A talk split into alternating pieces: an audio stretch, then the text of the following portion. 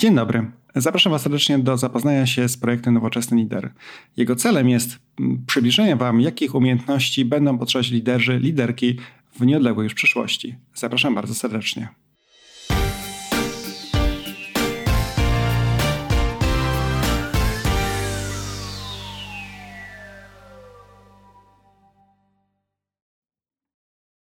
Moi drodzy, zapraszamy Was do pierwszego podcastu e, w ramach e, projektu Nowoczesny Lider.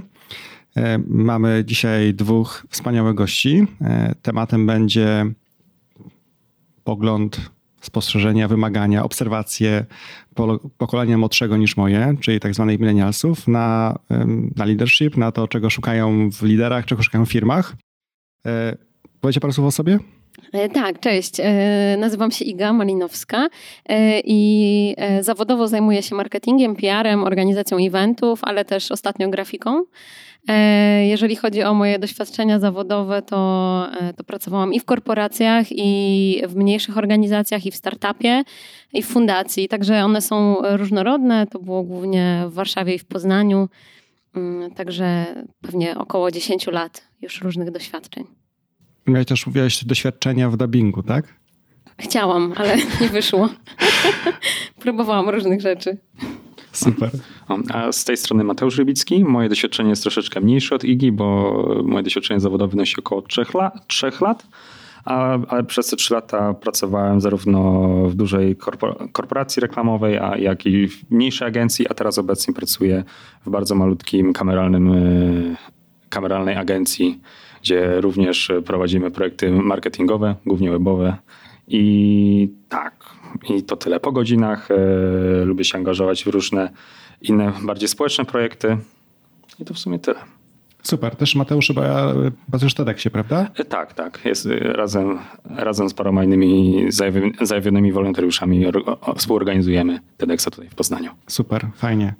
E, no mówiliśmy trochę się wcześniej na to spotkanie i mamy kilka tematów, które chciałbym z wami dzisiaj prze, przegadać. I nie będę też ukrywał, że z takiej perspektywy mojego bycia w świecie ogólno rozumianego leadershipu i konferencji, i dyskusji, i prezentacji. I to są takie, wiecie, konferencje i prezentacje zarówno e, na forach HR-owych, byłem na takim właśnie dwa dni temu, jak i na takich forach bardziej profesjonalnych, różnych i technologicznych, i ogólnie procesowych i tak dalej. No oczywiście poruszany jest często temat talentów, e, temat ludzi i tyle pada słowo, no i te, te milenialsi, nie? I ja powiem zupełnie szczerze, że ja osobiście reaguję na takie IT milenialsi dość alergicznie, e, bo ja zakładam, że różnorodność taka, no właśnie również wiekowa i doświadczeniowa, no, no i też fakt tego, że jesteście, prawda, i pracujecie w firmach, no to jest fakt oczywisty. I moje pokolenie, mówiąc zupełnie szczerze, może się od was bardzo dużo nauczyć. Nie? Natomiast chciałbym trochę z wami porozmawiać, bo tą perspektywę generacji X, czyli mojej X, czy starszej, ja, ja znam, tak? Rozmawiamy dość często, natomiast y, ja myślę, że nie ma takiego głosu, e, nie wiem, czy w internecie, czy na podcaście, czy na YouTubie. Co wy myślicie na ten temat? I czego wy szukacie w firmach? I czego wy szukacie w, wśród liderów? I teraz, y, jak się właśnie czujecie na takiej sytuacji, kiedy pewnie słyszycie czasem, myślę, że słyszycie, jeśli nie, to mnie poprawcie, tą narrację my, oni. E, tak, znaczy ona może nie jest taka bezpośrednia, natomiast jest wyczuwalna rzeczywiście. E, dla mnie e, my to chyba jest tak z definicji, to są ludzie, którzy też mnie otaczają. To, są, to jest dużo osób z mojego otoczenia. To są osoby po prostu otwarte na nowe formy pracy. Czyli to są wszyscy ci, którym znudził się 8-godzinny tryb pracy, którzy nie godzą się wcale na to, żeby pracować 5, godzin 5 dni w tygodniu, e, dla których wcale e, pieniądze nie są najważniejsze, okazuje się, że tak samo dla mnie jeszcze te 5 lat temu e, moje oczekiwania finansowe były całkowicie inne niż teraz. Wcale już nie mam takich potrzeb. To są ludzie, którzy mają wiele pasji, chcą je realizować i chcą mieć też czas, żeby to robić. I rzeczywiście to wspinanie się po szczeblach kariery w ogóle nie, większości ludzi przestaje interesować, albo y, w takim sensie rzeczywiście mm, biznesowym, bo każdy z nas chce się rozwijać, ale, ale czasami nie tylko w jednym kierunku, y, czasami więcej stron. Tak, y, w sumie w moim otoczeniu jest też troszeczkę podobnie, kiedy no, pieniądze najwyraźniej nie są już na pierwszym miejscu. Bardziej część, część moich rówieśników też postrzega, szuka pracy, która też jest e, zgodna z ich trybem, z trybem życia, z ich, e, no mógłbym nawet powiedzieć, że stylem życia. Kiedy no, patrzą, porównują, e, zwracają uwagę na to, czy kultura danej organizacji świadom, mniej świadomie lub bardziej jest tożsama z tym, co oni sobą chcą reprezentować. I to też e, właśnie, bo jak zastanawiałem się nad tą kwestią, to Kurczę, zdenerwowałem się, sorry. Nic się nie stało, spokojnie, bo właśnie ja myślę, że... Bo, już się zapędziłeś w swoje myśli mhm. i... Mhm. Ja to było fajne bardzo. No. To, było, to, to było dobre, w ogóle się nie stresuj. Um, bo ja, ja, też tak patrzę właśnie, że e, no, e, pokoleniowo patrząc u nas elementem odniesienia sukcesu było mieć po pierwsze a pracę, nie? Kiedyś, no bo było różnie. Tak. Później oczywiście mieć dobrą pracę w korporacji to w ogóle fantastycznie. Mieć samochód służbowy to w ogóle wow, mm -hmm. nie? To w ogóle jest szok, nie? No i oczywiście tej pracy trzeba było spędzić 12 godzin, no, przysłowiowo, tak? No bo no wtedy pracujesz, nie? A kwestie, że dzieci, a kwestie, że w hobby, a że piłka nożna, a że ko koszykówka, no to był, jeśli się dało to zmieścić w kalendarzu pracy, no to to pokolenie tak pracowało, prawda? I czy to było zdrowe, czy nie, nie chcę oceniać dzisiaj. Natomiast mi się wydaje, że z perspektywy czasu wolałbym chyba prefer waszą preferencję, czyli trochę być bardziej dostosowany do, e, mieć pracę do swojego trybu życia. Mhm. Nie? Tak naprawdę. Tak, ja y, teraz pracuję z domu y, i tak naprawdę no, widzę to po sobie. Ja jestem efekty- dużo bardziej w ogóle efektywna w domu. Wiem, że też nie każdy może tak ma, ale też pracuję wtedy, kiedy czuję, że, że moja efektywność jest najwyższa. Jeżeli potrzebuję przerwę, to idę na godzinny spacer z psem, wtedy, kiedy chcę to zrobić. E, I wierzę, szczerze w to wierzę, że jestem w stanie, nawet pracując w firmie, zrobić efektywnie to samo przez trzy dni zamiast przez pięć, albo to samo przez pięć godzin zamiast przez osiem. E, miałam akurat szansę spróbować takiego trybu też z moim poprzednim pracodawcą, który się na to zgodził, czyli zamiast pięciu dni pracowałam trzy dni. E, I okazało się, że to było, to było ok. To było ok. Nie miałam zmienionego zakresu obowiązków, robiłam dokładnie to samo, ale przez trzy dni w tygodniu, a nie pięć. Ale to pokazuje, jeszcze tylko dodam, dużą otwartość tego pracodawcy, bo e, no nie znam wielu, wielu szefów, którzy by się po prostu na to zgodzili. No ja akurat mam takie porównanie, że na początku swojej ścieżki zawodowej pracowałem właśnie w dużej organizacji, która miała około 500 osób i tam no faktycznie no tam nie, nie było za bardzo przestrzeni, żeby wprowadzić taką zmianę. No, trzeba było przyjść do pracy na. Okej, okay, mogliśmy przyjść do pracy między no, 8 a nawet 10 i wtedy no, i wtedy przepracować swoje 8 godzin. To było jak najbardziej ok, ale no, cały czas musieliśmy się zmieścić no, no to cały czas musiał być to 8 godzin, 5 dni w tygodniu. Mimo tego, że to był zadaniowy tryb pracy, no to jednak e,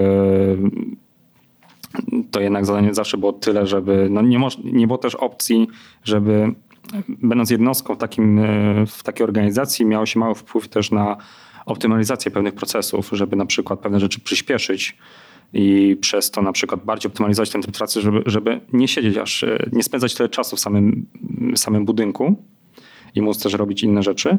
No i teraz właśnie jak to porównuję z moim obecnym miejscem pracy, gdzie no, jesteśmy malutkiej, dziesięcioosobowej organizacji, jesteśmy no, prawie, prawie że rodziną, gdzie każda najmniejsza decyzja ma wpływ na pracę innych, to pole dla tej optymalizacji jest zdecydowanie większe i i wiele rzeczy, okej, okay, musimy sobie wypracować pewne procesy, których no, nawet przeszczepić pewne procesy z takich większych organizacji, ale no, to może to ma całościowy wpływ na to, jak wszyscy będziemy pracować i ile też czasu będziemy spędzać e, w danym projekcie, czy też no, razem z sobą no, w środowisku pracy. Nie?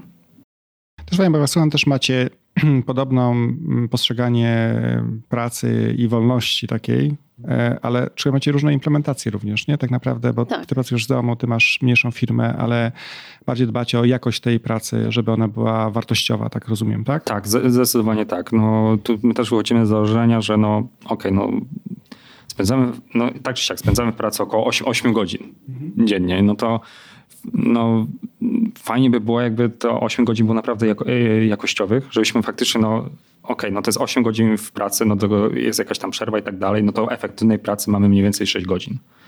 To, to ma być praca kreatywna, więc no musimy o to dbać, żeby no żeby te 6 godzin tej pracy było jak najbardziej jakościowe. Czyli musimy, wszyscy, wszyscy podchodzimy do tej pracy no, z dużym szacunkiem, do, też szacunkiem do czasu innych, bo w takiej, takiej malutkiej, no wręcz rodzinnej e, atmosferze, no to tak samo jak pewien proces może zadziałać dwa razy lepiej, to tak samo jeśli coś może pójść nie tak, no to też e, też może, to może też dwa razy mocniej, bardziej zaszkodzić, ale też no, możemy jeszcze szybciej to naprawić, bo spotykamy się, no, mamy dość otwarte głowy, nie jesteśmy, no, raczej nie jesteśmy zmęczeni tym, co robimy, więc rozwiązanie może być wypracowane też szybciej. Macie doświadczenie również pracy w większych organizacjach, prawda? Troszkę wcześniej, e, bo też trochę zmierzam do tego naszego głównego nurtu i wątku, czyli ogólnie rzecz biorąc e, leadershipu i tego, jak wy go postrzegacie. I, i też mam takie pytanie właśnie, czy kim dla was jest lider dzisiaj? I, i jakie on powinien mieć cechy i co powinien dla was robić? No dla mnie lider jest e, z pewnością przewodnikiem. Jest osobą, która, która ma jakąś wizję, widzi odpowiednio do przodu, raczej widzi jakieś punkty w przyszłości, do, do którego zmierza zespół czy też organizacja i, i my jako osoby w zespole razem z liderem, wszyscy jesteśmy, widzę, poszukują też lidera jako partnera w dążeniu do tego, do tego celu, który no, powinien być wspólny dla nas wszystkich. I też e, jako osobę, która jest swego rodzaju mentorem. Dla, no na przykład no, dla mnie to jest bardzo, bardzo istotne, żeby lider był, lider był mentorem, nawet wręcz autorytetem E, w danej dziedzinie, od którego też mogę się uczyć i gdzie razem, gdzie razem mamy przestrzeń do tego, żeby wnosić wspólnie wartość mhm. i żeby też pchać całą organizację do, do przodu. Mhm.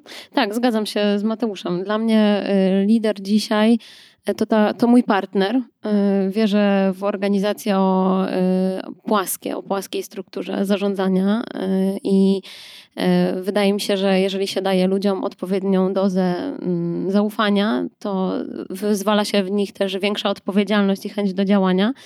Więc taki lider to jest partner w rozmowie, taki rzeczywiście osoba, która, e, która, która zachęca mnie do działania, wtedy pomaga, wtedy, kiedy e, przychodzą jakieś trudniejsze momenty. E, ale podoba mi się takie porównanie z wchodzeniem na drzewo, czyli ja tego lidera widzę jako osobę, która przygląda mi się, jak ja wchodzę na to drzewo, nawet jeżeli wcześniej nikt w firmie na to drzewo nie wchodził, nawet jeżeli do tej pory wszyscy korzystali z drabiny, to on pozwala mi tam wchodzić i nawet się zadrapać i, e, i nie wiem, i, zedrzeć skórę. E, I jak dostanę liściem w twarz, no to też tylko spojrzy bokiem, że okej, okay, nic się nie stało. No, pomoże mi wtedy, kiedy miałabym spaść, e, ale jest taką osobą rzeczywiście, która obserwuje mnie z boku, wie, że zmierzam w fajnym kierunku, bo idę gdzieś w wyznaczonym celu. Mm, ale mnie wspiera po prostu, nie ocenia tego. Jest rzeczywiście jakimś takim wsparciem i mentorem w działaniu. No, wydaje mi się, że tutaj też jest y, ważne jest y, pracowanie takiej relacji, gdzie że można siebie liczyć, jest, jest ten kontakt, że faktycznie jeśli, bo, no bo okej, okay, w każdej organizacji wszyscy potrzebują się nawzajem, liderzy potrzebują innych członków zespołu, żeby, no, żeby no, dowieść projekt do końca, no ale no też ci inni członkowie zespołu też potrzebują lidera, żeby, no, bo oczekują jakiegoś wsparcia. Mhm. Wsparcia, no, ukierunkowania, e, feedbacku, czy też po prostu spinania w całość może spinania projektu? w całość, czy też rozwiązywania bieżących problemów, bo no, nie wszystkie problemy można rozwiązać samodzielnie, czasami no, trzeba pomocy z zewnątrz, może nawet spoza organizacji, no to lider też powinien, powinien być taką osobą, która, który też no, pozwoli na zarówno na na samodzielne rozwiązanie problemu, ale też na wspólne szukanie rozwiązań kiedy to jest naprawdę mhm. potrzebne. Ale ty, Mati, właśnie powiedziałeś o, o tej fajnej rzeczy, czyli o w ogóle popełnianiu błędów. Y, bo to jest niby oczywiste, natomiast rzeczywiście Miałam nie, niejednokrotnie takie sytuacje w życiu zawodowym, kiedy byłam, jeżeli byłam w organizacjach, gdzie te błędy były akceptowalne, to naprawdę robiliśmy dużo fajniejsze rzeczy. Po prostu szliśmy, szliśmy do przodu, nawet jeżeli nam się podwijała noga, to robiliśmy więcej rzeczy, po prostu próbowaliśmy i rzeczywiście to było bardziej efektywne. Natomiast wtedy, kiedy jest taka kultura, no lepiej, lepiej tego nie rób, bo, bo, bo wyjdzie z tego coś złego, no to stoimy bardzo mocno w miejscu. I, i, I, to mi się wydaje, spotkałam dużo takich historii, więc to, to mi się wydaje takim problemem, który mm, wyzwaniem dla liderów do, do poprawy na pewno. Nie jest to proste na pewno. Znaczy, no to na pewno wydaje mi się, że to wymaga dużo empatii i dużej otwartości ze strony lidera, bo lider też musi, lider też musi, musi być osobą z doświadczeniem. To musi być oso- może to niekoniecznie musi być osoba, nawet w tym przypadku niekoniecznie osoba z naszego pokolenia. Więc no tutaj chyba jedyne, co ja mogę zrobić, to apelować o troszeczkę cierpliwości i wyrozumiałości też na pewne, sprawy, bo mi się wydaje, że jeszcze jak mogę tak, mm, takie w ogóle całe pole inteligencji emocjonalnej, to w ogóle dla mnie to ma ogromne znaczenie w liderstwie, czyli to osoba, która się nie interesuje psychologią, no to dla mnie to nie jest y, dobry lider, bo tutaj właśnie ta empatia odgrywa chyba kluczową rolę. No zdecydowanie, zwłaszcza, że no, no lider, zdecydowanie, lider jest z reguły na pozycji takiego przywódcy, szefa, gdzie też no, no cały czas jest, chyba panuje taka narracja, gdzie pracownik nie chce okazać słabości, mhm. myśli, że jest testowany i tak dalej i to też no, troszeczkę zamyka tą otwartość w dialogu. I wydaje mi się, że lider powinien mieć to na uwadze, rozmawiając ze swoim zespołem, że no jednak jest troszeczkę taka, taki dystans, który może trzeba, z którym może coś trzeba zrobić, żeby, żeby móc rozmawiać o pewnych sprawach. Pewnie też trochę taka teza jest moja, ja być może się mylę, ale też dlaczego ten projekt wystartował, Nowoczesny Lider, bo wydaje mi się, że to, co mówicie, to jest taka rola coacha albo mentora, tak, no, który pozwala wam, pracownikom ogólnie, ale też, też wam odnaleźć ten potencjał, który sobie macie, prawda? I też zakładam, że nie każdy pierwszego dnia w pracy wie, że będzie robił do końca życia to, co robi, prawda? Tak, Może zdarzyć się, że coś my, innego. zmieniamy co trzy lata pracę, tak? Dokładnie. Mhm. I to, to, tak rzadko, bo słyszałem, że w Warszawie osoby zmieniają myślenie, które jest 106 miesięcy, że mhm. ciężko jest za, zapamiętać, gdzie wcześniej były na przykład, nie? Więc to jest też dobry przykład. I teraz e, to, co wam, myślę, że to jest spójne z tym, co ja myślę, że lider to jest osoba, to jak mówicie, trochę musi znać się jednak na uczuciach, czy być wrażliwa, słyszę też, że powinna mieć raczej, dla ciebie przynajmniej Mateusz, jednak musi być ekspertem, prawda? Myślę, że tak, bo lider no, powinien mieć jakąś ekspertyzę w tym, w tym czym akurat siedzi, więc... Dokładnie. Inteligencja emocjonalna, bo no, ciężko być dobrym takim coachem, jak nie rozumiesz ludzi, co na przykład, że tego dnia jesteś zmartwiona albo radosna, to są takie oczywiste uczucia, ale są też pewnie wiele innych, których często nie widać po człowieku, a warto się dopytać, prawda? I, i tym, w tym całym projekcie chyba chodzi o to, żeby ludziom to świadomić. Bo ja tak trochę widzę, że często wiele osób podchodzi na teraz takie perspektywy command control, czyli ja ci każę i możesz zrobić, bo jestem twoim szefem. A tak naprawdę e, często dla mnie, czy nie wiem, czy dla, dla was też, niekoniecznie lider jest menedżerem. Mhm. Bo jeszcze nie, takich większych Wydaje mi się, że? Chyba, chyba nie musi być menadżerem. Znaczy, no bo właśnie to, to, to, chyba zależy od organizacji przede wszystkim, nie? Bo kiedy jest no, większa przestrzeń na budowę różnych zespołów i no to zespół chyba, zespół na pewno musi mieć lidera, ale niekoniecznie ten lider musi być menadżerem. No, chyba w innych procesach też, też, też tak jest, że jest jedna osoba, która na przykład prowadzi produkt, ale kto inny prowadzi proces i, mhm. i te, te, te, role są jak najbardziej rozdzielne i to też wynika z, to też jest efekt jakiejś tam praktyki, praktyki i doświadczenia projektowego.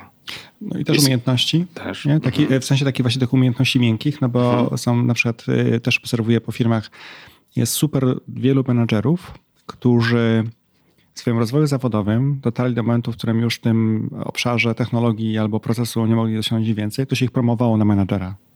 Okay. Nie, no bo już nie, nie, nie dało się robić nic więcej. Nie, nie chciał ktoś tego człowieka stracić, prawda? No I teraz mamy średnio dobrego menadżera, często w roli, e, który tęskni za tą swoją technologią wcześniejszą i nie za bardzo ma pasję do rozwoju ludzi, czy do pracy z ludźmi, mhm. prawda? E, Spotkałam takie, I tak. To, to nie wiem, czy macie też takie doświadczenia e, ze swojego życia. Ja to naprawdę mówiąc dość często obserwuję i to nie tylko oczywiście w, w, w pracy u mnie, ale ogólnie rzecz biorąc, patrząc na świat to nawet jak y, patrzę na niektóre osoby z HR-ów, zastanawiam się, czy one na pewno są w dobrym miejscu. Mhm. Nie? Właśnie nie mają tej empatii, nie mają takiego podejścia do człowieka, nie? Znaczy tu mi się też wydaje, że też, no jednak środowisko mi się wydaje też trochę odgrywa w tym, odgry, odgry, ma, ma pewne znaczenie w tym, bo bo jeśli mamy na przykład osobę, która została awansowana na takie stanowisko, dlatego że już nie miała innej drogi, no to wydaje, no bo ona została awansowana, żeby dalej, żeby jakąś ją, żeby jakąś docenić. Ale no jednocześnie no, pracodawca chyba chce mieć tego pracownika i, i za, może za bardzo mu nie zmienia zakresu obowiązku, więc ta osoba ma kor tych. Yy, tych obowiązków, którymi się musi zajmować na co dzień i do tego dochodzą nowe, który, do których może no niekoniecznie niekoniecznie może mieć nawet czas, żeby się tymi rzeczami zajmować albo się nie lepiej wdrożyć, po, lepiej poznać tą, tą sferę. I tutaj to wydaje mi się o tym też, to, to chyba też trzeba mieć z tyłu głowy, kiedy mówimy o takich osobach. Zawsze mówimy o tym tak zwana tranzycja z roli A do B, bo na przykład y, robiło się zawsze coś, a teraz ma się robić z podobnymi ludźmi, ale no na innym poziomie, czyli ma się, nimi, ma się im właśnie pokazać tą drogę i kierunek, tak powiedzieliście wcześniej, no to ludzie często po rok się odczepiają od e, starych zachowań i nawyków. I to jest, e, też obserwujcie może po swoich, wiesz, wiecie, liderach czy osobach, które was otaczają, że często starają się bardzo mocno tą ekspertyzę trzymać, kiedy w tej roli liderskiej trochę inne umiejętności, czy e, inne spojrzenie, inne jest że słowa fokus, tak, ale mm, skupienie jest potrzebne tak naprawdę, nie? No to mam na was teraz ciężkie pytanie. Pytanie jest, e, opowiem szczerze, że pytając się różnych osób, e, i to nie tylko to najróżniejsze grupy wiekowe społeczne i tak dalej, pytanie o taki wzorzec do naśladowania, tak zwany role model, no to zawsze powoduje ciszę na początku. No to, bo to jest, nie jest łatwe pytanie, prawda? Bo też jak, Boże, czy ja mam role model i, i dlaczego, nie? I, I, właśnie chciałem zapytać was, ma, macie dla was jakieś takie wzorce, których y, mówicie, tak, to jest dla mnie ten wzór, który chciałbym kiedyś być, chciałabym być? Y, ja się zastanawiałam nad tym mocno, mhm. bo tak, na, y, o, tak od razu nie jestem w stanie odpowiedzieć na to pytanie. Rzeczywiście musiałam o tym pomyśleć.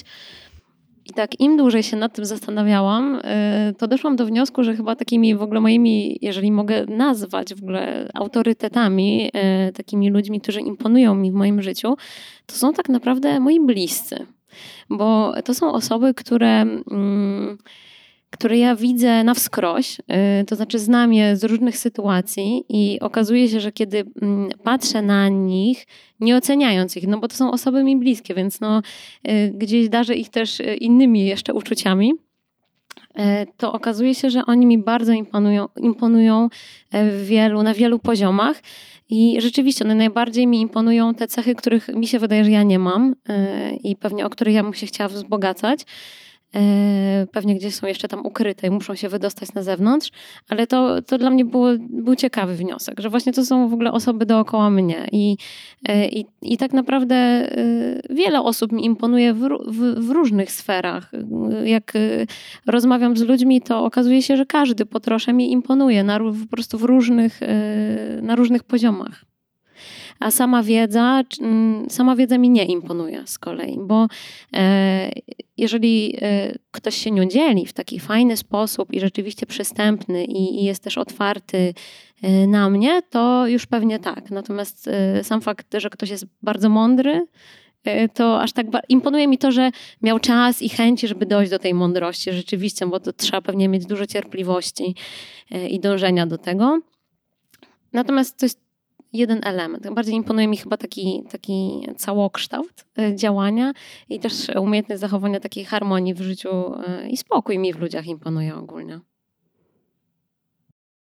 No, jak, jak ja się zastanawiałem nad kwestią, czy jest ktoś taki, czy jest jedna osoba, kto, która jest dla mnie takim autorytetem, to doszedłem, od razu doszedłem do wniosku, że nie, nie ma takiej możliwości, nie ma, nie, ma nie ma takiej opcji. E, I po prostu doszedłem do wniosku, że po prostu dla mnie w, w różnych sferach mojego życia są różne. E, są różni ludzie, którzy mi w mniejszy lub większy sposób imponują, ale jedną, jedną taką, takim wspólnym mianownikiem dla nich to jest, wydaje mi się, przede wszystkim otwartość. Tym, że właśnie oni, e, oni się dzielą tym, co mają, so, co mają w sobie, czyli no, swoją wiedzą, e, dzielą się swoim czasem, uwagą z innymi ludźmi i mogą po prostu podzielić się choćby ich wiedzą ze swojej domeny. Ale no przede wszystkim hmm, przede wszystkim też bym powiedział podobnie jak Iga, że to są ludzie, którzy przede wszystkim ludzie z mojego otoczenia, gdzie nawzajem się po prostu gdzie nawzajem się wspieramy w, też w różnych sferach, czy to jest właśnie praca, czy też no, życie prywatne i dążenie do, jakichś, do osiągania jakichś celów, czy też realizacja jakichś wspólnych marzeń. Więc no, to jest zawsze trudne pytanie. Ale jest fascynujące, bo ja, ja to zadaję czasem pytanie um, u siebie w pracy albo wśród znajomych i tyle padają takie, wiecie, postacie. Papież, nie? Steve Jobs. Wiecie, e, czy większy brand, tym lepiej. E, później pytałem, że dlaczego, no to są różne historie, tak? Albo na przykład, nie wiem, e, Obama. Tak? Znaczy, na przykład dla mnie te postacie, one mnie inspirują, na pewno. Jak zobaczyłem sobie kilkanaście różnych wystąpień Obamy, E, to byłem absolutnie e, zszokowany, jakim dobrym speakerem, jak on angażował ludzi i tak dalej. W tym obszarze właśnie można się niego dużo nauczyć. Ale dla mnie to też, zgadzam się z wami, to też nie jest jedna osoba. Jak miałem powiedzieć jedna osoba, która jest takim solid, to, to, to, to nie też. Znaczy, no, wydaje mi się, że na przykład ja do tego podchodzę tak, że e, no, wszystkie osoby, jakie spotykamy w swoim życiu, to znamy je w jakiejś sferze. Mhm. Tylko no nie może, ciężko jest nam poznać taką osobę na wskroś i wiecie, na przykład jeśli podziwiamy faktycznie Obamę za to, że wspaniale przemawia i potrafi, potrafi tak się podzielić ideą, żeby zainspirować do działania, to jest super. No ale no, raczej no, nie będziemy mieli już okazji, nie, może nie będziemy mieli okazji poznać, e, poznać go osobiście i też nie, nie poznamy go w innych sferach, które, no, które stoją za jakimś medialnym wizerunkiem. I to też chyba dlatego ciężko jest podać jakąś konkretną jedną osobę. Ale też fajne, że właśnie macie ta bliskość jest, y, że właśnie na tą bliskość stawiacie, y, że macie ludzi koło siebie, że to was inspiruje, że, że tam szukacie pewnych wartości, pewnych cech, rozwiązań, inspiracji na przyszłość tak naprawdę, nie? To jest fajne. No po prostu nasi bliscy są na wyciągnięcie ręki i wiemy, że po prostu nie tyle jest e, z naszej strony odbiór, przynajmniej z mojej, jest nie tylko odbiór, ale też po prostu też możemy w ich stronę nadawać i jest jakaś e, żywa wymiana zdań. To, to, to też kształt, kształt, no po prostu kształtuje myśli i plany, marzenia. Mam sobie dwójkę dzisiaj, ale jak patrzycie też na swoich znajomych, bo to słuchajcie, no my też staramy trochę inspirować ludzi, że może ktoś posłucha tego podcastu i powie, no fajna historia i nie byłem tego świadom, nie? Powiedzmy, że taki Sebastian w Krakowie usiądzie i odsłucha. Ja tego nie wiedziałem, to ciekawe. Ale czy jak, to, są, to, to są wasze odczucia, ale jak patrzycie na swoich znajomych y, z waszych generacji, to, to podobnie jest? To zależy od wrażliwości przede wszystkim. Jest podobnie, ale no tak, już mniej osób mówi, że na, na to pytanie odpowiada, że odpowiada po prostu jakimś nazwiskiem i, i tylko jednym, i bo dlatego, że ta osoba zrobiła coś, ale faktycznie no, jest y, zdecydowanie jakaś konsternacja i, i myślenie. Może w podobny sposób, może nie. Nie mogę odpowiadać ze wszystkich. No. E, pytasz, Sebastian, ogólnie o styl właśnie pracy, czy o te autorytety jeszcze? O te autorytety o te właśnie, autorytety. wiesz, właśnie, które, mhm. osoby, które was otaczają. Na przykład, czy, czy one też właśnie budują na społeczności, która jest im bliska, mhm. czy, czy właśnie patrzą gdzieś poza? Mhm. Y ciężko jest mi mówić, natomiast to rzeczywiście najbliższe otoczenie, myślę, że gdzieś tam podobnie, bo znam tych ludzi. Y myślę, że my mm, mamy też szczęście jako y ta generacja y, o ten na dzisiaj, no chociaż ja już 30 lat kończę w tym roku, nie wiem czy... Absolutnie się wpasowujesz. się. Wpasowujesz 100%. Dobrze, wpisuję się, super. Mm, mamy szczęście, bo wychowaliśmy się w takim świecie, gdzie dostępność mediów i tematów e, takich bardziej e, właśnie miękkich i, i rozmowy o własnych e, pragnieniach, potrzebach, uczuciach, to są tematy, e, to, to jest taki jest duży, o, e, duża przestrzeń do rozmowy o tym. I myślę, że to jest super, bo rzeczywiście ludzie zaczynają sobie zadawać takie pytania. Jak ja rozmawiam z moimi rodzicami, no to oni te pytania zadawali sobie dużo później niż ja. I aczkolwiek na szczęście sobie też zadawali. Ale i, wydaje mi się, że mamy to szczęście, że rzeczywiście mieliśmy dostępność takich tematów nawet w telewizji, tak? czy, czy w książkach, w internecie. No i, no i to jest super, bo możemy sobie wcześniej na to odpowiedzieć. No i wydaje mi się, że też przez to, że na przykład jeszcze wrócę do tego, że trudniej jest nam powiedzieć, wskazać jakiego, jakiś autorytet e, albo no, osobę, którą się inspirujemy, to może właśnie też z tego, że no, faktycznie dużo się nad tym zastanawiamy albo nie dajemy jednoznacznej odpowiedzi, e, może to być postrzegane jako kryzys autorytetu. Mhm. Bo nie, nie dajemy, nie wskazujemy nikogo konkretnie i gdzie kiedyś to było raczej bardziej oczywiste, kogo powinno się naśladować. Teraz na tej odpowiedzi no znaczy nie ma, albo inspirujemy się wieloma osobami i to może być właśnie, to właśnie może być e, część tej narracji, przyczyna tego, że ludzie myślą, że, nie, że, nie, że pokolenie starsze może myśleć, że ci młodzi, nie wiem, nie mają żadnych wartości, nie inspirują się takimi samymi ludźmi jak my, albo nie inspirują się nikim. Może, może właśnie oni to odbierają w taki sposób. Tak, ale w ogóle to pytanie, Sebastian, ono mnie bardzo zaskoczyło, bo mi, mnie nikt nigdy się o to nie spytał. Także to już pokazuje, że ja, ja też sama nigdy nie myślałam o, tych, w takich, o tym w takich kategoriach e, czarny-biały. Nigdy się nad mhm. tym nie zastanawiałam, przyznam szczerze. Znaczy też to nie jest coś, na czym się zastanawiam mhm. codziennie, często, w jakichś regularnych odstępach czasowych. Służbowo mi się na przykład nikt to nigdy nie, nie spytał. Nie? Kto no, jest, jest jednoznacznie, kto kim się inspirujesz na co dzień, co cię pcha do działania. Bo ja też, Mateusz, zgodzę się z tobą, że to jest chyba dobre podsumowanie, że w tym świecie dzisiaj jeszcze spojrzysz sobie internet, fake newsy, mhm, e, to tak. co się dzieje, no to, to co się dzieje w telewizji, to co można obserwować w mediach najróżniejszych, no to to nie buduje autorytetów, powiem szczerze, że ciężko przebić się chyba dobrej um, dobrej wiadomości, takiej, która właśnie mówi, że zrobił coś wspaniałego. I też często jest też tak, że jest bardzo dużo osób, które po prostu robią taką robotę u podstaw, e, angażując się w sprawy społeczne, różne tego typu rzeczy, które pomagają innych zupełnie bezinteresownie. Tylko, że ciężko też to szukać, to sobie odszukać, bo one nie są na pierwszych stronach gazet, nie? Mamy inne postacie na pierwszych stronach gazet i to faktycznie ma rację. Ja, ja też powiem szczerze, teraz patrząc to, dlaczego ty miałbyś być autorytetem? Nie? Nie widzę takich wiesz, wartości, które by mnie przekonywały, powiem szczerze, do wielu osób z pierwszych stron gazet, czy, czy z internetu, czy z telewizji. Mhm. No właśnie, no więc teraz y, można było się zastanowić, czy faktycznie, czy, czy cały czas możemy mówić o tym kryzysie, kryzysie autorytetu, czy może po prostu już y, odpuścić tą narrację i pójść dalej i po prostu się skupić na, na pielęgnowaniu pewnych wartości w sobie, żeby to na pewno zawsze warto, to, to bez dwóch zdań, nie? No fajnie, a to, to mi się wydaje, że jest to, co ja obserwuję od, też, jak rozmawiałem z moim zespołem, mam też miarę taki młody zespół, jak ich spytasz też o dalszego typu pytanie, to tam jest absolutnie nie, nie, nie ma czegoś takiego, nie? Ja mam nadzieję, że jakieś powiedzą, no Seba, ty byłeś tam takim autorytetem, nie? Ale tylko w tym obszarze, to i tak będzie super, nie?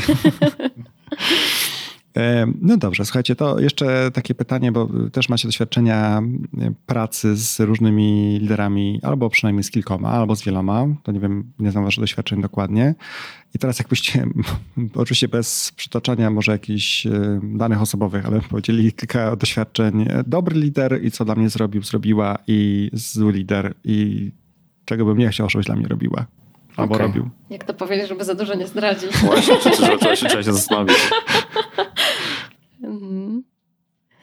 No, znaczy dla mnie y, tacy słabi liderzy, y, to tak ogólnie mówiąc, na razie zacznijmy od ogółu, to będzie łatwiej, to byli tacy, y, od których ja do końca nie czułam szacunku. Czyli to jest taka dla mnie podstawowa wartość, wydawałoby się no, naturalna, tak? No, jak, jak można nie okazywać szacunku? Natomiast rzeczywiście spotykałam się z takimi sytuacjami na swojej drodze zawodowej, I, I, ten szacunek, to dla mnie jest, to, to, to jest dla mnie też szczerość, to jest dla mnie też uwaga na drugiego człowieka.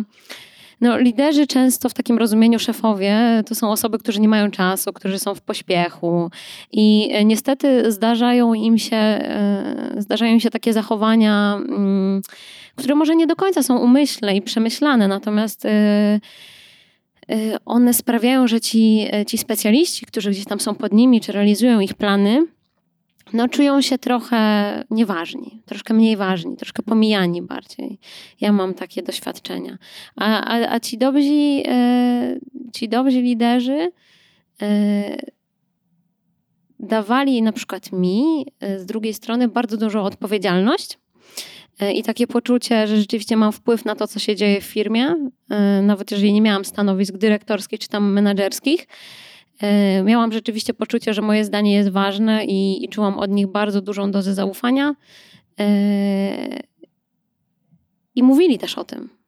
Bo, bo nieraz spotkałam się też z taką sytuacją, kiedy na przykład odchodziłam z pracy, to pierwszy raz dopiero słyszałam, że słuchaj, no byłaś najlepszym pracownikiem, jak, jak ty, dlaczego ty chcesz odejść? I ja wyrobiłam wielkie oczy, no bo słyszałam to pierwszy raz. Czyli yy, wydaje mi się, że też takim, taka pokoleniowa zmiana taka pokoleniowa różnica e, to jest to, że ja mówię często kocham cię, a na przykład e, ludzie gdzieś tam pokolenie wyżej niekoniecznie. I tak samo tutaj przełożeniu na relacje biznesowe. Oni nie mówią często tego, że są zadowoleni, że zrobiłeś coś super. Każdy lubi pochwały. Ja nie wierzę, nie wierzę w, taką, w taką narrację, że no niektórzy, niektórych trzeba chwalić, a innych nie można chwalić, bo, bo, bo to nie jest dobry kierunek. Ja uważam, że każdego trzeba chwalić, że każdy lubi pochwały. Okej, okay, jeśli, jeśli ja zaś miałbym wrócić do, do lidera, z którym pracowałem i, i, którym, i w jakiejś sfery, którą mógłby poprawić, to Zdecydowanie raz pracowałem z liderem, który był troszeczkę zdystansowany od zespołu. I wydaje mi się, że to był, to był świetny pracownik dla, dla organizacji. Ta osoba wnosiła naprawdę dużą wartość i miała ogromną wiedzę, ale przez to, że ta osoba była troszeczkę zdystansowana od całego zespołu, wydaje mi się, że też troszeczkę komunikacja, no troszeczkę, troszeczkę siadała nie, na przykład ja w takiej tej sytuacji nie czułem się, że na przykład nie czułem yy, za bardzo relacji z liderem. Ta relacja mentorska mogłaby być przez to troszeczkę lepsza. Nie czułem, że mogłem iść z każdym problemem projektowym do, do, do tej osoby, bo też nie wiedziałem, czy, czy mogę, czy nie będę, jak, jak bardzo będę, jej, będę tej osobie przeszkadzał. I i też y, przez to troszeczkę, może nawet dopiero potem, jak zmieniłem, jak y, teraz z tej perspektywy, mając troszeczkę większe doświadczenie, widzę, widzę po prostu, że wiele, pro, wiele nie wiem, problem to nie, nie wiem, czy to nie jest za mocne słowo, ale wiele takich wyzwań projektowych można by było ogarnąć szybciej, jeśli ta komunikacja byłaby sprawniejsza. I zdecydowanie też to by wpłynęło na morale, mogło też wpłynąć na morale całego zespołu, kiedy wszyscy by czuli między sobą jak, jakąś relację. A tak, no nie wiem, już się tego, te, tego nie dowiem, ale, ale tak, to jest y, nie wiem, może też jak o tym myślę, może wydaje mi się, że po prostu to było, to było akurat ważne dla mnie, bo ja czuję, że muszę mieć zbudowaną bliższą relację z liderem. Ale może po prostu, wydaje mi się, że to też jest taka trochę cienka granica między tym, ile lider daje samodzielności poszczególnym członkom zespołu e, i tym, ile ma się zaangażować.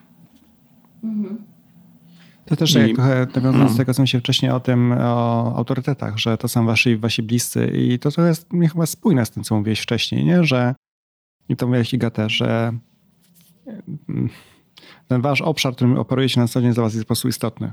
Mhm. Nie? Ci ludzie, tak. którym jesteście na co dzień są dla was istotni i też, e, mówiłeś, też chcesz być istotna dla nich, mhm. prawda?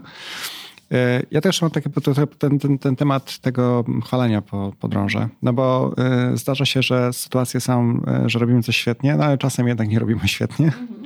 No i teraz jesteście otwarci na, na, na takie otrzymanie informacji zwrotnej, niekoniecznie pozytywnej, no bo zawaliliśmy coś, ale oczywiście w, zakładam, że w jakimś tam formie profesjonalnej, tak. czyli pozwalającej się rozwinąć. Tak, tak, y, ja na przykład nad tym pracuję, bo rzeczywiście jestem jedynaczką i całe życie byłam chwalona, więc jak pierwszy raz usłyszałam coś złego, no to było mi ciężko to przełknąć, e, ale jestem już na takim etapie życia, że, że proszę o tą informację, nawet sama czasami, bo rzeczywiście czuję, że to jest tylko, to, tutaj jest to pole do rozwoju i, i do po prostu ulepszania się na różnych poziomach. E, jeszcze tak sobie myślę o jednej rzeczy, mm, że Chociaż nie, nie będę o tym wspominać, bo to zdradzi za dużo szczegółów. Następnym razem może. Ale, ale, pomyślałam, o, pomyślałam jeszcze o jednym liderze, który się, który, którego miałam na swojej drodze zawodowej. I tutaj yy, na przykład w naszej relacji zabrakło moim zdaniem szczerości yy, i skończyło się na tym, że ja y, nie wiedziałam po co pracuję. E, i nie wiedziałam, jakie ja cele realizuję, e, bo nie znałam prawdy o organizacji. Ja wiem, że być może liderzy nie mogą powiedzieć 100% e, prawdy, bo nie wiem, sprawy finansowe może nie, nie wszyscy muszą wszystko wiedzieć, natomiast ogólny rys organizacji jest bardzo ważny, no bo on nadaje sens mojej pracy. A akurat w tamtym, w tamtym miejscu miałam poczucie już w pewnym momencie, że nie wiem, jaki jest sens, bo nie wiem, w którą stronę ta organizacja zmierza te plany były bardzo zmienne i, i mi brakowało wtedy takiej stabilizacji na przykład. Hmm? Czy, czy feedback jest dla mnie ważny? Znaczy, bo, e, bo feedback ogólnie, który mówi, że zrobiłeś coś super dobrze, no to zakładam, że. znaczy, ja, ja, też mówię czasem, jak e, taki przykład, przykład z życia naszego, że kogoś chwalimy, to mówi, a wiesz, to nie ja, nie, zespół. To oczywiście Aha, wiemy, że zespół, natomiast zawsze mówię moim zespołowi, jak ktoś się chwali, to powiedz dziękuję. Ale są momenty, kiedy jednak y, ktoś informację przekazuje, słuchaj, no to się nie udało, zawaliłeś, czy zawaliliśmy, już tam nie wiem. I teraz właśnie jak to odbieracie? Dla mnie to jest, dla mnie to jest niezbędne w moim rozwoju zawodowym, bo no jak na co dzień prowadzę, o jak obecnie prowadzę swoje projekty i no i też mam mniejszy, mój staż jest, jest zawodowy jest stosunkowo krótki, 3 lata. I ja widzę dużo przestrzeni, gdzie mogę mogę, mogę poprawić jakość swojej pracy. I właśnie wtedy, kiedy wprost ktoś mi mówi, że hej, mo, można było to zrobić inaczej, albo w trakcie, hej, można to zrobić inaczej, no to ja nie, nie obrażam się, tylko faktycznie no, biorę do sobie do serca i za następnym razem albo jeszcze w trakcie próbuję to wdrożyć, poprawić i, i po prostu cenię sobie, cenię sobie taką szczerą taką szczerą odpowiedź od kogoś, kogokolwiek. Zwłaszcza, że no, też często ja się pytam, pytam e, kolegów z pracy albo ludzi spoza pracy, jak, jak można coś zrobić i też no, no oczekuję szczerej, szczerej odpowiedzi i tego, no bo inaczej, inaczej po prostu możemy nie zauważyć pewnych przeszkód albo po prostu zrobić, nie zaplanować czegoś odpowiednio dobrze, żeby dowieść do końca.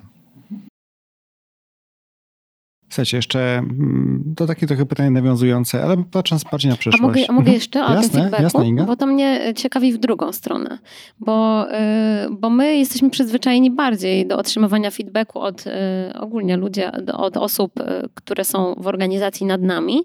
Natomiast no ja osobiście wiele razy się starałam, ale nie dałam tego feedbacku swoim szefom w taki sposób, nawet właśnie w takiej kulturze dobrego feedbacku. I jestem ciekawa, jak liderzy, czyli ty, jak, jak Sebastian, z Twojego punktu widzenia, jak ty w ogóle byś to odebrał? Czy to w ogóle jest, czy tak można robić? Czy ja mogę przyjść i, nie mówiąc wprost, tylko czy ja mogę zadać pytanie, e, Sebastian, e, czy mogłabym, e, czy moglibyśmy porozmawiać na, na ten temat, który, nie wiem, miał miejsce, albo a propos tego, tej sytuacji?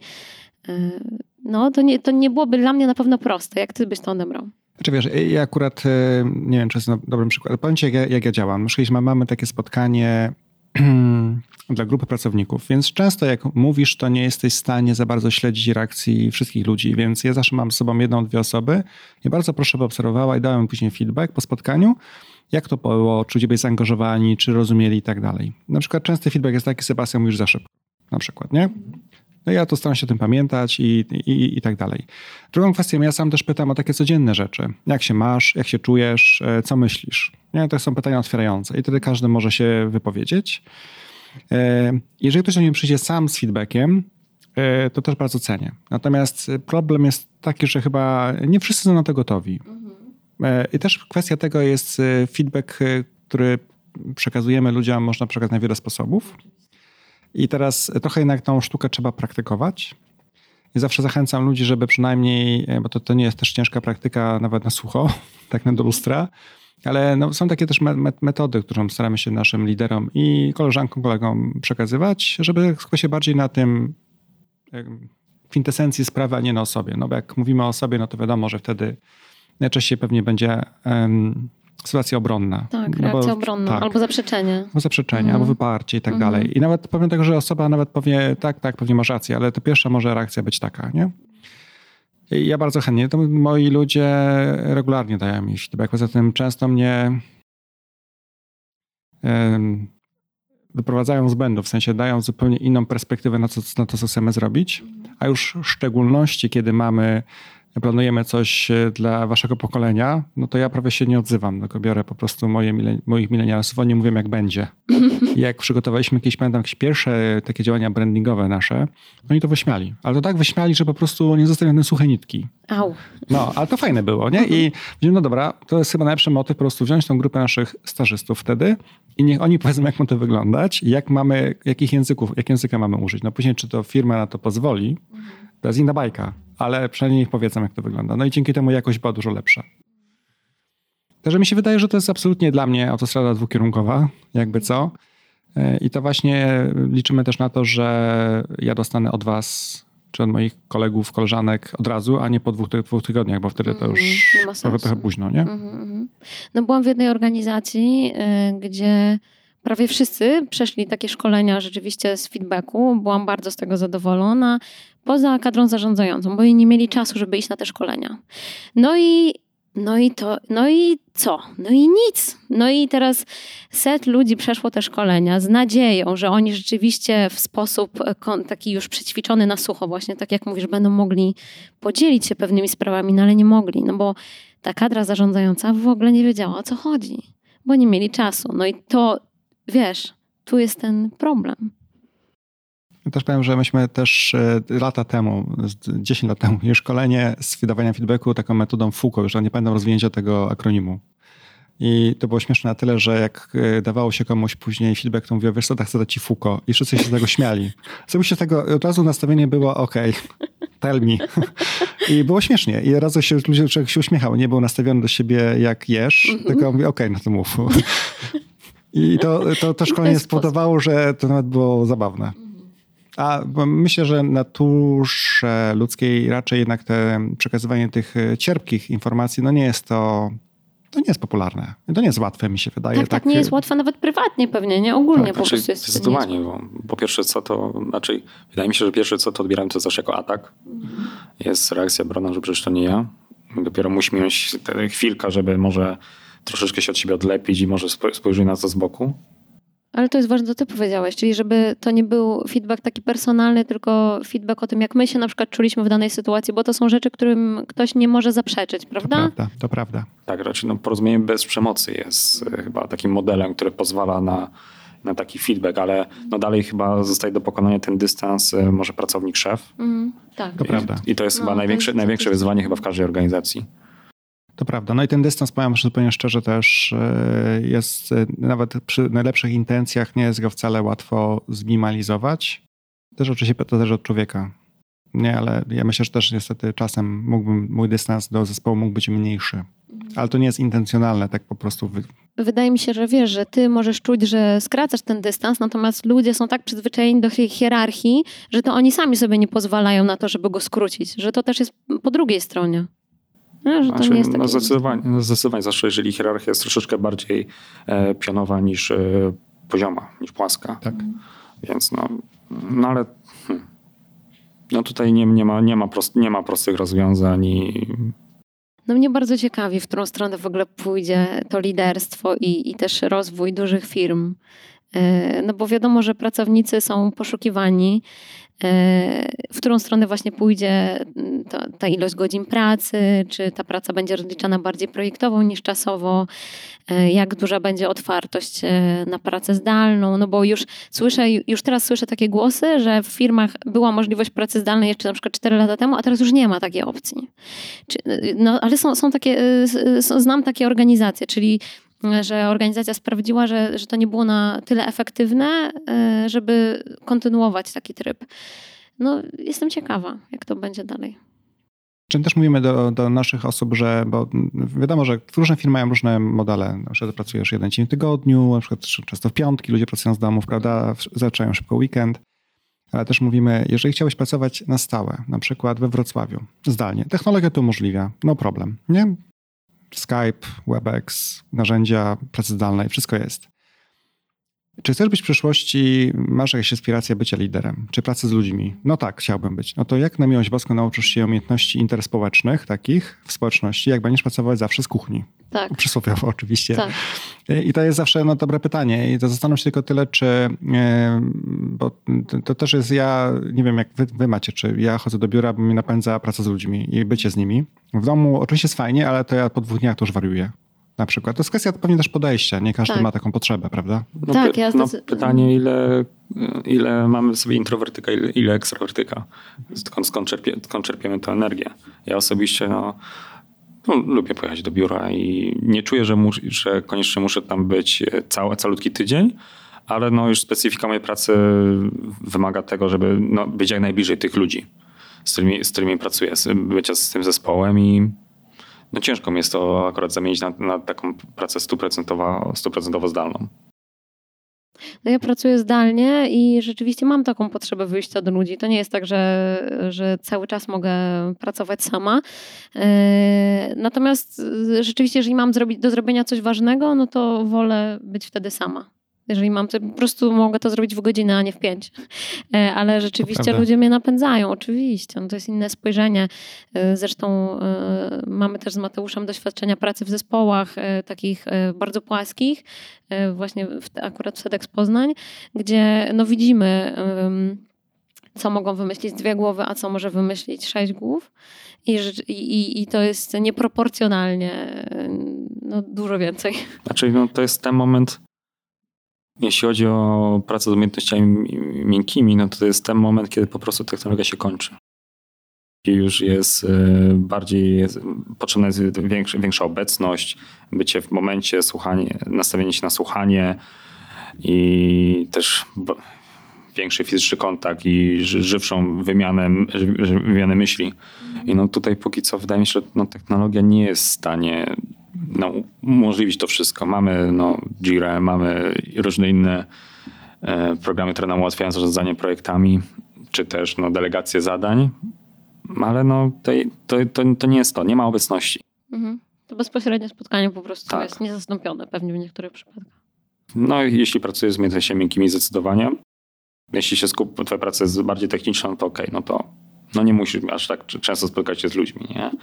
Ale... Ale pewnie też wtedy wypadasz z obiegu, bo, bo wiesz, tak jak dzisiaj się spotkaliśmy i przed nagraniem zacząłeś mówić o jakichś fajnych inspiracjach, no to byśmy ich inaczej nie usłyszeli, jak będąc tutaj. No zdecydowanie, ale to już, to już każdy musi sam sobie odpowiedzieć na to pytanie, czego potrzebuje bardziej. No czy bardziej skupić się na, na, na sobie, na, na zrobieniu iluś tam zadań, które sobie zaplanowałem na ten dzień, czy też no po prostu na żywej wymianie zdań z drugim człowiekiem. Tak, ale no tak to... podsumowując to, to właśnie my potrzebujemy wolności po prostu, tego wyboru, czyli yy, dla mnie osobiście na przykład jeden dzień w tygodniu pracy zdalnej to byłoby za mało, yy, ale znam też ludzi, którzy by się na to zgodzili, czyli chodzi o tą elastyczność, e, że ja mam wybór i mogę stanowić sobie o tym w swoim czasie sama. Mhm, tak, bo zdecydowanie, no, tak, zdecydowanie technologia dzisiaj pozwala na jakąś częściową zdalność w większości przypadków. Nie całkowitą, ale częściową, więc czemu nie? E, to powiedzcie może w takim razie, bo e, to było pierwsze z sentencji, które padła, jak zaczęliśmy się spotkanie. Iga, to chyba ty powiedziałaś, że nie drajwuje was absolutnie w chwili obecnej pieniądze. W sensie one są ważne i tak dalej, ale to nie jest główny czynnik, że wchodzisz do biura, czy chodzisz do pracy. Tak. Czy coś robicie, prawda? Że te rzeczy materialne są troszkę dla was, zrozumiałem, trochę mniej istotne. To Tak. co jest istotne? I to w sensie też tego leadershipu i czego Tak. poszukujecie, czy Mhm. samej pracy również. Tak. No mi się zdarzyło parę razy w życiu podjąć taką decyzję zawodową, że, że rezygnowałam z pracy, e, z dużych pieniędzy i z dobrych pieniędzy na rzecz mm, jakiegoś większego spokoju ducha. I e, rzeczywiście bardzo sobie e, cenię to, żeby nie przesadzić, to znaczy, żeby się nie wyeksploatować. E, Bo wydaje mi się, że to można zrobić szybko i później e, znam historię ludzi starszych ode mnie tam o 5 lat, którzy są wypaleni zawodowo i, i takich historii jest dużo. No i to wynika właśnie z tej takiej wysokiej eksploatacji w wieku 20-30 lat, kiedy, mm, kiedy nic innego się nie liczy poza tą pracą i poza tymi pieniędzmi. Jeszcze 5 lat temu na przykład ja się za- zdecydowałam na to, żeby wziąć mieszkanie na kredyt, ale czy dzisiaj bym się zdecydowała na to? Przyznam szczerze, że no mam wątpliwości. Już o tym tak nie myślę. Wynajmowanie dla mnie mieszkania jest e, równie okej, e, co, co, co, co posiadanie go. Patrzę, y, też y, zmienił się mój styl życia dzisiaj. E, Staram się mieć mniej ubrań, staram się nie kupować e, wszystkiego, co mi się podoba. Zastanawiam się 10 razy, czy jest mi to potrzebne. Nie, nawet nie ze względów materialnych, finansowych, tylko z takich względów, że ja nie chcę tyle posiadać. Rzeczywiście myślę bardziej ekologicznie. Ale też, też dla siebie. Często się przeprowadzam, wcale nie chcę nosić później tych kartonów. Korzystam z książek elektronicznych. No, myślę, myślę troszeczkę, e, troszeczkę w innych kategoriach. I później ogromnie mnie to cieszy, kiedy dzisiaj e, myślę sobie, kurczę, ja potrzebuję cztery razy mniej, cztery razy mniej gotówki na miesiąc, bo ja po prostu nie potrzebuję tyle. Ja nie mam takich, nie mam takich potrzeb i to, to, jest, y, to jest może dla niektórych, y, może niektórzy tak nie mają. Ja tak mam, mnie to wewnętrznie po prostu cieszy. No akurat jestem teraz na takim etapie, gdzie dla mnie najważniejsza jest otwartość w środowisku pracy oraz e, sprawczość. Otwartość dlatego, żeby przepływ myśli był, e, przepływ myśli miał, miał jak, najmniej, jak najmniej przeszkód, żeby szczerze sobie mówić, co się myśli na dany, na dany temat, czy to projektowy, no, no prywatnie, no okej, to, nie, to nie jest najważniejsze, najważniejsze w środowisku pracy. Spotykamy się po to, żeby coś razem osiągnąć. I tutaj tutaj ważne, otwartość wydaje mi się kluczowa, bo wtedy możemy robić naprawdę fajne rzeczy i z, którymi, z których możemy być dumni i którymi się możemy chwalić i też być z tego zadowolony i wiedzieć, że wtedy możemy mieć najwięcej wartości, no też przede wszystkim dla innych.